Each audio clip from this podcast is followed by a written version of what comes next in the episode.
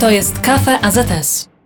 Cześć, a naszym gościem jest dzisiaj Marek Słaby, a naszym tematem są żagle, ale inne żagle. Cześć Marku. Witaj, dzień dobry. W podcaście Kafe AZS mówiliśmy już o e-sporcie, czas na e-sailing. Czym to jest? E-sailing jest to dyscyplina e-sportowa, e, tak jak wspomniałeś na wstępie, która jest oparta na zasadach, regułach czy idei e, regat żeglarskich. Przejdźmy teraz do konkretów. W takim razie potrzebny jest do tego dobry komputer, dobry sprzęt, dobra platforma internetowa. Odróżnieniu od różnego typu gier e-sportowych, typu Counter-Strike chociażby, e, w wirtualne żeglarstwo, w, w tą grę, w którą my gramy, tak? bo są różne możliwości tych gier, to nie jest tylko jedna gra.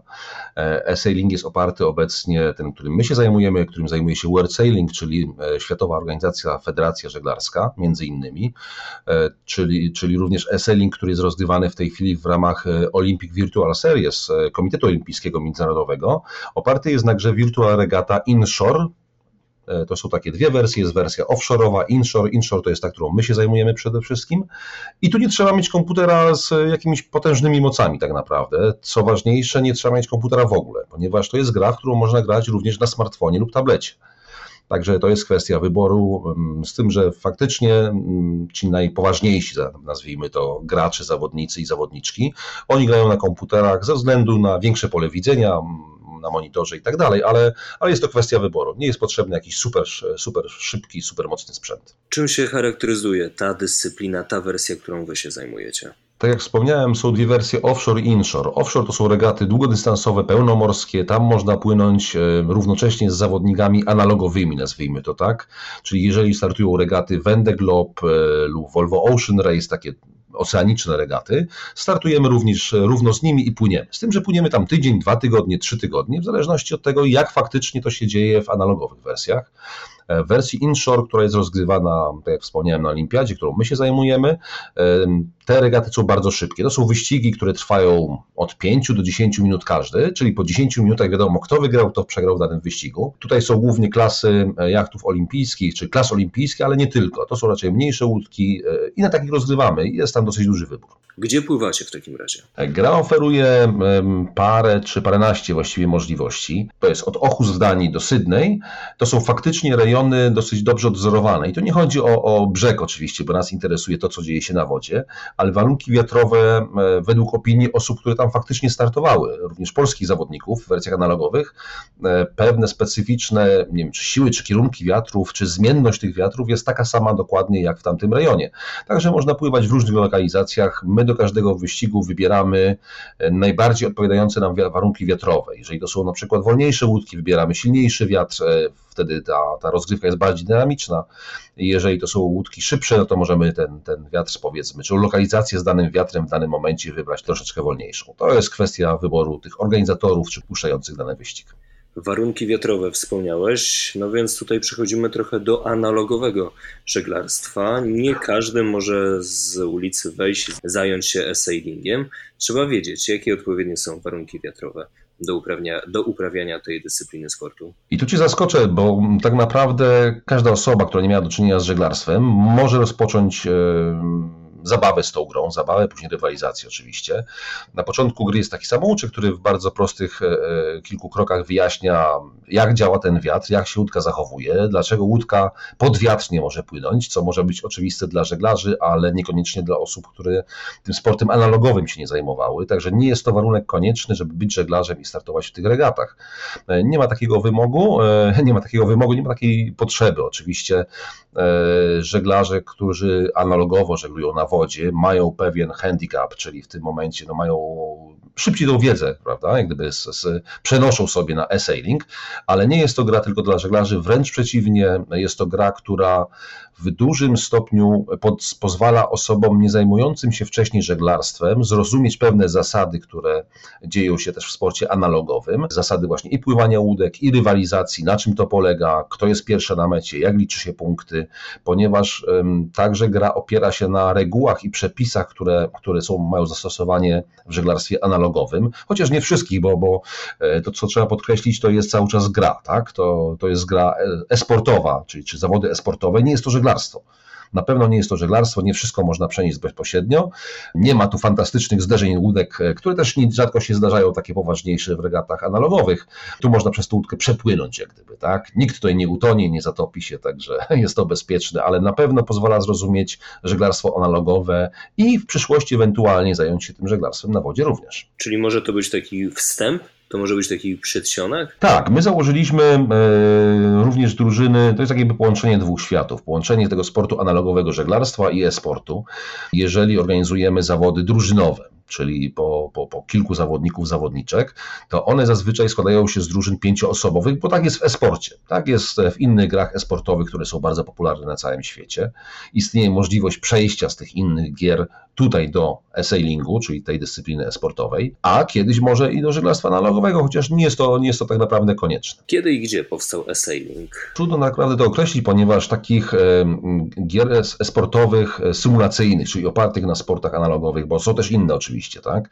Jest sim racing, który bazuje na sporcie samochodowym chociażby. Było kilka i nadal jest kilka tych gier, także tu istnieje możliwość wyboru. W tej chwili Virtual Regatta stała się najpopularniejszym programem również dlatego, że od trzech lat odbywają się Mistrzostwa Świata, dlatego również, że od trzech lat odbywa się Puchar Narodów, czyli takie drużynowe, tak? Zawody pomiędzy krajami, czyli każdy kraj wystawia swoją, akurat w Mistrzostwach Świata w Pucharze Narodów to jest dziesiątkę najlepszych zawodników, których uważasz sobie poradzą, a Virtual Regatta jest e, grą stworzoną przez Francuzów. Jest stworzoną przez Francuzów i przez e, jej założycielem, pomysłodawcą, jak gdyby mm, jest, jest żeglarz. Także chciał widocznie popływać również wtedy, kiedy nie można, no chociaż we Francji są te warunki lepsze. Dla nas, e, jako tutaj mieszkańców Polski, z naszym klimatem oczywiście, gdzie nie możemy pływać zimą e, na wodzie, ewentualnie możemy zajmować się tutaj żeglarstwem lodowym, e, jest to fajna rzecz, fajna możliwość też treningów. Wiele klubów żeglarskich, w tym klubów optymistów, czyli tych dla najmłodszych zawodników, posługuje się tą akurat grą do tłumaczenia strategii, taktyki w regatach. Także Francuzi to stworzyli, ale ta społeczność w tej chwili graczy jest bardzo duża wersji offshore, chociażby w tym roku był wyścig, który odbywał się na dosyć długiej trasie. Tam startowało półtora miliona graczy w jednym, w jednym czasie, a Polak, z tego co pamiętam, był 236, także to naprawdę był rewelacyjny wynik. Społeczność jest duża, w Polsce rozwija się bardzo mocno.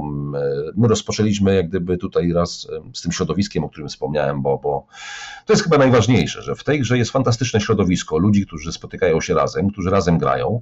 Właśnie widziałem, że chyba na 27 są regaty świętego Jana zorganizowane. To jest takie ad hoc coś zrobione dla graczy. To nie są jakieś formalne zawody. Jak jest Wielkanoc, są wielkanocne i tak dalej, i tak dalej. Jeżeli jest środa, to możemy robić środowe chociażby. Ta społeczność wspiera się nawzajem, chętnie przyjmuje nowe osoby. Bardzo fajnie powitała społeczność akademicką i tutaj dostaliśmy takiej świeżej krwi.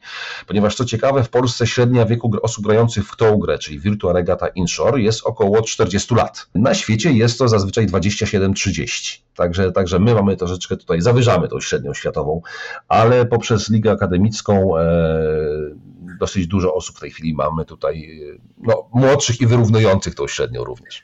Liga akademicka to jest coś, co tworzy społeczność e, e-sportową sailingową. Powiedzmy kilka słów na temat e, tejże społeczności tworzonej przez no, tych najmłodszych e, graczy. To, to nie najmłodszych, tak naprawdę to trudno powiedzieć, czy najmłodszych, czy najmłodszych. średnich, okej, okay. okay, średnich. E, są tutaj osoby, które mają 40 lat, które osoby mają około 60. Najmłodsi gracze, którzy są również akurat w tym przypadku żeglarzami analogowymi, czyli zawodnicy optymistów, no mają tak jak na optymistach, tak? czyli 8-15. Trudno powiedzieć jakiejś średniej. Nie ma tutaj podziału wiekowego w tej chwili, jeżeli chodzi chodzi o granie tak naprawdę. Również ta społeczność nie dzieli się na tych starszych, młodszych. Tak? E, serwery na Discordzie obsługują 15-latkowie chociażby no, są w tym lepsi od nas, może mają częściej do czynienia, co na co dzień jest dla nich naturalne środowisko. To tak jak powiedziałem, że to środowisko jest bardzo fajne, wspierające się nawzajem. Dlaczego Liga Akademicka? Liga Akademicka powstała z potrzeby, ponieważ nie było czegoś takiego w Polsce, a są osoby chętne do ścigania się. Co ważne też akurat w tej dyscyplinie sportowej, i to jest taki ewenement chyba nadal, według informacji od producenta gry, 50%, prawie 50% w tej chwili e, graczy to są zawodniczki. W żadnej chyba dyscyplinie sportowej nie ma czegoś takiego. Oczywiście są w innych dyscyplinach drużyny, powiedzmy kobiece i tak dalej, ale tutaj nie ma takiego podziału sztywnego. My wiemy, która z kobiet w Polski jest najlepsza, e, z tego powodu, że my wiemy, że to jest kobieta tak naprawdę.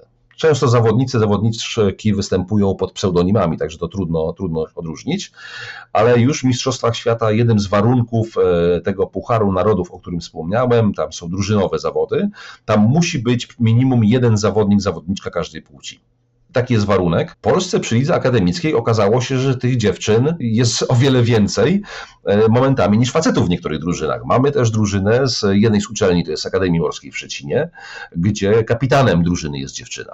Akurat ta drużyna nie dostała się do finału, ale jest to, jest to duża, duża liczba naprawdę dziewczyn i to nas cieszy. I to nie jest żaden przymus e, taki jak gdyby parytetu płci, tak jak WRC wyznacza pewien kierunek. U nas się okazało, że to było to bardzo naturalne. I to nas i zaskoczyło, ale bardzo mile oczywiście. To przejdźmy teraz do rozgrywek sailingowych w Polsce. Za nami internetowe regaty. AZS był ich patronem. Tak, rozegraliśmy ligę akademicką, czyli ligę, mm, zawody, które, które są zawodami drużynowymi. Do tych zawodów zgłosili się studenci i studentki z 11 uczelni w Polsce do tak zwanej fazy kick-off, czyli fazy, która ma wyłonić trzy najlepsze drużyny. E, dostały się cztery drużyny i to były drużyny z Politechniki Gdańskiej, z Zachodniopomorskiego Uniwersytetu Technologicznego, z Wojskowej Akademii Technicznej z Warszawy i z Kolegium Da Vinci z Poznania. Te eliminacje odbyły się tylko w wersji e, internetowej ponieważ no, zawodnicy byli porozsiani po różnych krajach, e, nie może nie krajach, ale po różnych miastach w Polsce,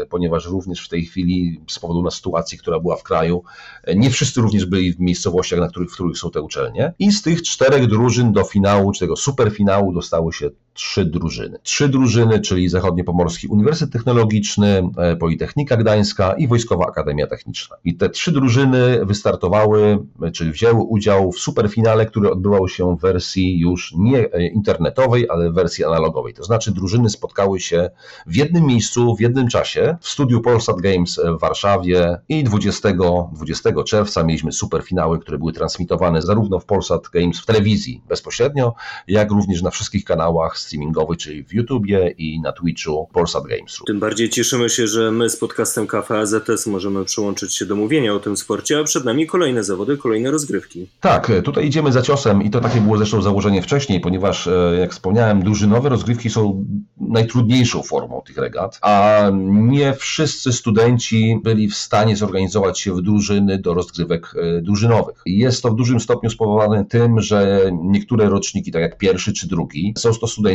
którzy z powodu pandemii nawet się jeszcze nie widzieli, tak? Nie mieli czasu pójść do, nie wiem, e, kawiarni, na kawę, no, czy... Pójść na papierosa to nie, bo to nie sportowe, ale nie mieli okazji razem pograć w piłkę. Tak, tak jest, tak jest. Także tutaj to zadanie było bardzo trudne na pewno. E, cieszymy się, że te drużyny, które, które wystartowały, brały udział, naprawdę musiały się bardzo fajnie postarać i bardzo mocno, żeby się zorganizować. Szczególnie, że miały dosyć e, krótki czas, bo to, to chyba były cztery miesiące, żeby zorganizować się, zacząć trenować. E, zresztą, co, co jest fajne, te drużyny między sobą nie, nie rywalizowały przed kwalifikacjami, tylko prowadziły mecze sparingowe, nazwijmy to w ten sposób, tak? Czyli trenowały razem. Wszyscy chcieli być jak najlepiej najlepsi, pokazać się z jak najlepszej strony. I tak dotarliśmy do tych superfinałów. Ale ponieważ było bardzo duże zainteresowanie pojedynczych zawodników i zawodniczek, dlatego jakby tutaj od razu padła taka decyzja, że należy pójść za ciosem, tak jak powiedziałem wcześniej, i zorganizować takie mistrzostwa essaylingu akademickim dla indywidualnych zawodników i zawodniczek.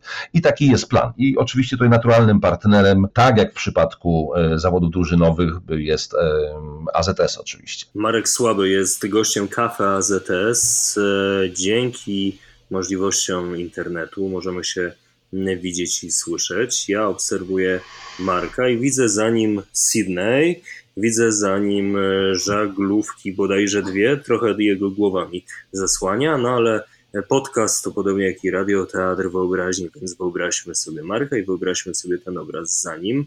Jak u ciebie to ta miłość do essaylingu się narodziła? Czy wyniknęła ona z analogowego żeglarstwa, czy też jakoś inaczej to się narodziło. Tak, tak. Ja jestem związany z wodą chyba od zawsze, ale też zawsze byłem miłośnikiem różnego typu gier komputerowych. E, tu nie ma co ukrywać. Ja uważam, że internet i gry są fajne, jeżeli coś do naszego życia wnoszą. To już było ileś lat temu. My generalnie jako grupa, grupa żeglarzy pływaliśmy w regatach offshore'owych, ponieważ akurat towarzyszyliśmy naszemu koledze Radkowi Kowalczykowi, który w tym czasie płynął w regatach Mini Transat, czyli regatach samotników przez Atlantyk. I również w tej grze można było płynąć z nim. Czyli my mieliśmy dokładnie te same e, warunki wiatrowe, ten sam wiatr, te same problemy z wiatrem, które miał on, oprócz tego e, braku wysiłku fizycznego oczywiście i to tak się zaczęło. Ja osobiście nigdy nie byłem związany z klasami olimpijskimi, czyli z tymi łódkami pływającymi e, właśnie na olimpiadzie, jak laser, jak no w tej chwili NAKRA 49ER, także dla mnie to było to zupełnie nowe środowisko, ale bardzo fajne, bardzo chcące współpracować i, i myślę, że ta cała praca tego środowiska w sailingu jest dla mnie olbrzymią satysfakcją, ponieważ jak mówiliśmy o lidze akademickiej, to e, według danych, które dostaliśmy, w te rozgrywki superfinał obejrzało ponad 56 chyba tysięcy osób. Czyli myślę, że naprawdę trudno by zebrać inne regaty w Polsce, które miały taką oglądalność. I to było po raz pierwszy bez jakiejś wielkiej kampanii promocyjnej. Oczywiście zarówno Polski Związek Żeglarski, który też jest naszym partnerem, informował o tym, także AZS w wielu swoich portalach, czy informacjach dla uczelni, czy na tych głównych portalach, w pasji z tego co pamiętam również, ale no, ten oddźwięk był, był może nie zaskoczeniem, ale był tym, co chcieliśmy osiągnąć. To nam dało taki, nie pretekst, ale nam dało taką następną, czy dało nam energię do tworzenia następnych Taką rozgrywek. iskrę do, do następnych rozgrywek. Może iskrę, może dodatkowe paliwo, powiedzmy tak. Iskra była e, przy samym iskra pomyśle. w połączeniu z paliwem. To będzie tak, tak, tak, tak. E, to jest bardzo fajne, dlatego zapraszamy też te dziewczyny, które startują. Zresztą w żeglarstwie analogowym też jest bardzo dużo i pań, i dziewczyn, i kobiet, w zależności tutaj od tego, kto tutaj startuje. Jest ich bardzo dużo. No, Polska najlepsza zawodniczka jest w tej chwili w rankingu polskim dziesiąta, Także bez problemu sobie radzi z panami, tymi tysiącami za nią, bo, bo to są, są naprawdę duże ilości zawodników. I to jest fajne. I ta fajna rywalizacja właśnie zaluwa akademicka z tymi dorosłymi, nazwijmy to tak, czyli tymi, którzy z uczelniami się pożegnali już jakiś czas temu, osobami, jest, jest świetną formą rywalizacji współpracy. Także dla studentów e, drużynowe rozgrywki, jeszcze raz do nich wrócę, są taką mocną rzeczą, którą można potem pokazać, ponieważ wymagają współpracy drużyny. Co ciekawe, tutaj z ZUT-u, czyli Zachodniopomorskiego Uniwersytetu Technologicznego, startuje drużyna, która równocześnie realizuje projekty uczelniane czy projekty w ramach uczelni tak naprawdę. I to jest ciekawe, że ten zespół, pewne, pewne sposoby zarządzania zespołem, tymi wszystkimi można przenieść tutaj do gry, która też pomaga zrozumieć, jak działa zespół, pozwala realizować te projekty na uczelni, ale potem pójść do pracy gdziekolwiek indziej i stać się świetną częścią zespołu. Także myślę, że taki esport w tej formie jest też świetnym źródłem referencji do tego, że potrafiło się zrobić taką drużynę lub potrafiło się w niej znaleźć i współpracować. I to jest na pewno, na pewno fajna rzecz, którą można gdzieś tam później pokazać. To jak można zacząć swoją przygodę z e-sailingiem? Najprostszą oczywiście rzeczą jest e, zainstalowanie gry, ponieważ tak jak mówiliśmy, można to e, rozpocząć grę na, na komórce, na smartfonie na tablecie również i wówczas należy się zalogować do sklepu internetowego, czyli Google Play lub na, odpowiednio na, na inne platformy. Gra jest bezpłatna z założenia, to znaczy instalacja nie ma żadnego problemu, można zainstalować. Tam są pewne dodatki płatne, ale jak mówią topowi polscy zawodnicy, nie są konieczne do wygrywania i z tego co wiem, to chyba w pierwszej 15 polskich zawodników duża ich część nie używa tych dodatków. Oczywiście są dodatki takie pozwalające kolorować łódkę na kolory i tak dalej, ale to są takie ekstrasy. Są pewne ułatwiacze dla początkujących głównie, tak? I tu faktycznie początkujący mogą się z nimi zapoznać i wykorzystać. Co ważne też, można tą grę uruchomić przy lądarce. Także wystarczy wygooglać Virtual Regatta Inshore. Ta gra jest dostępna również przez przeglądarkę i również jest bezpłatna. Także w ten sposób można zacząć, przejść samouczek, e, który jest prosty, ale pokazuje wiele elementów. I następnie myślę, że tak naprawdę należy dołączyć do grupy e, te Essay Polska, która skupia wszystkich graczy z Polski na Discordzie również można to, to wyszukać, czyli Essay Polska. Tam są osoby, które chętnie pomogą, podpowiedzą i pokażą, co robić dalej. Tak, pytając zawodników, którzy zaczynali niedawno jeszcze, ale większość z nich zaczynała niedawno, bo większość zawodników gra w tą grę od góra dwóch lat, niektórzy od trzech miesięcy, a są w czołówce. Należy obserwować innych zawodników, naśladować ich, ponieważ można pływać z najlepszymi. Tutaj nie ma jakiegoś podziału na pierwszą ligę, drugą ligę, trzecią ligę w tej chwili. Startuje się z każdym zawodnikiem. Co ciekawe, można przez przypadek popływać z mistrzami Europy, na przykład klasy FIN, analogowej również, e, ponieważ mistrzem świata z ubiegłego roku jest Hiszpan, który jest mistrzem Europy w klasie FIN. Chyba w tym roku do lat 26. Także takie są możliwości. Naprawdę to, ta społeczność jest tak otwarta, że można ich pytać, obserwować i, I, się dosyć uczyć. szybko, tak, uczyć się, ale dosyć szybko awansować. Tak? Nie ukrywajmy, że to nie jest gra, która zrzesza tak gigantyczne ilości osób grających jak Counter-Strike czy League of Legends, ale dzięki temu tak naprawdę ma się o wiele większą szansę, żeby awansować i znaleźć się w czołówce. I tutaj nie ma większego problemu. My założyliśmy w polskie regaty sailingowe w ten sposób. Mówimy o tych oficjalnych regatach niespołecznościowych, tak? Jak wspomniałem, są te wielkanocne, środowe i tak dalej, które stanowią formę treningu, zabawy i poznawania się, ale nasze wszystkie regaty są nagradzane finansowo, oprócz innych nagród. Takie jest założenie od początku, ponieważ chcemy zachęcić te osoby, chcemy, żeby stawały się coraz bardziej profesjonalne w swoich, w swoich zawodach. Także uważamy, że to jest konieczne tak naprawdę. Te osoby poświęcają już swój czas. Naprawdę trzeba poświęcić sporo czasu na trening i tak jak w sporcie analogowym. Bez pracy nie ma kołaczy, tak? Tutaj I bez to nie jest nie takie podróżowanie palcem po mapie, jakby ktoś konserwatywny mógł powiedzieć. Nie, nie, to są konkrety. Na świecie w tej chwili już zawodnicy esselingowi są opłacani, już tam e, skierowano się w kierunku zawodowstwa i my chcemy to samo robić w Polsce, tak? Czyli nie robimy oficjalnych regat, które nie są, nie są e, nagradzane pieniężnie. Oczywiście to są różne nagrody.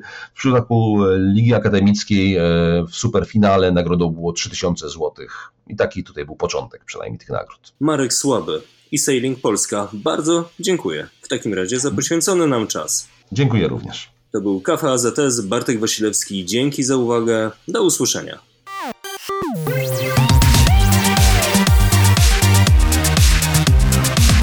To jest Kafe AZS.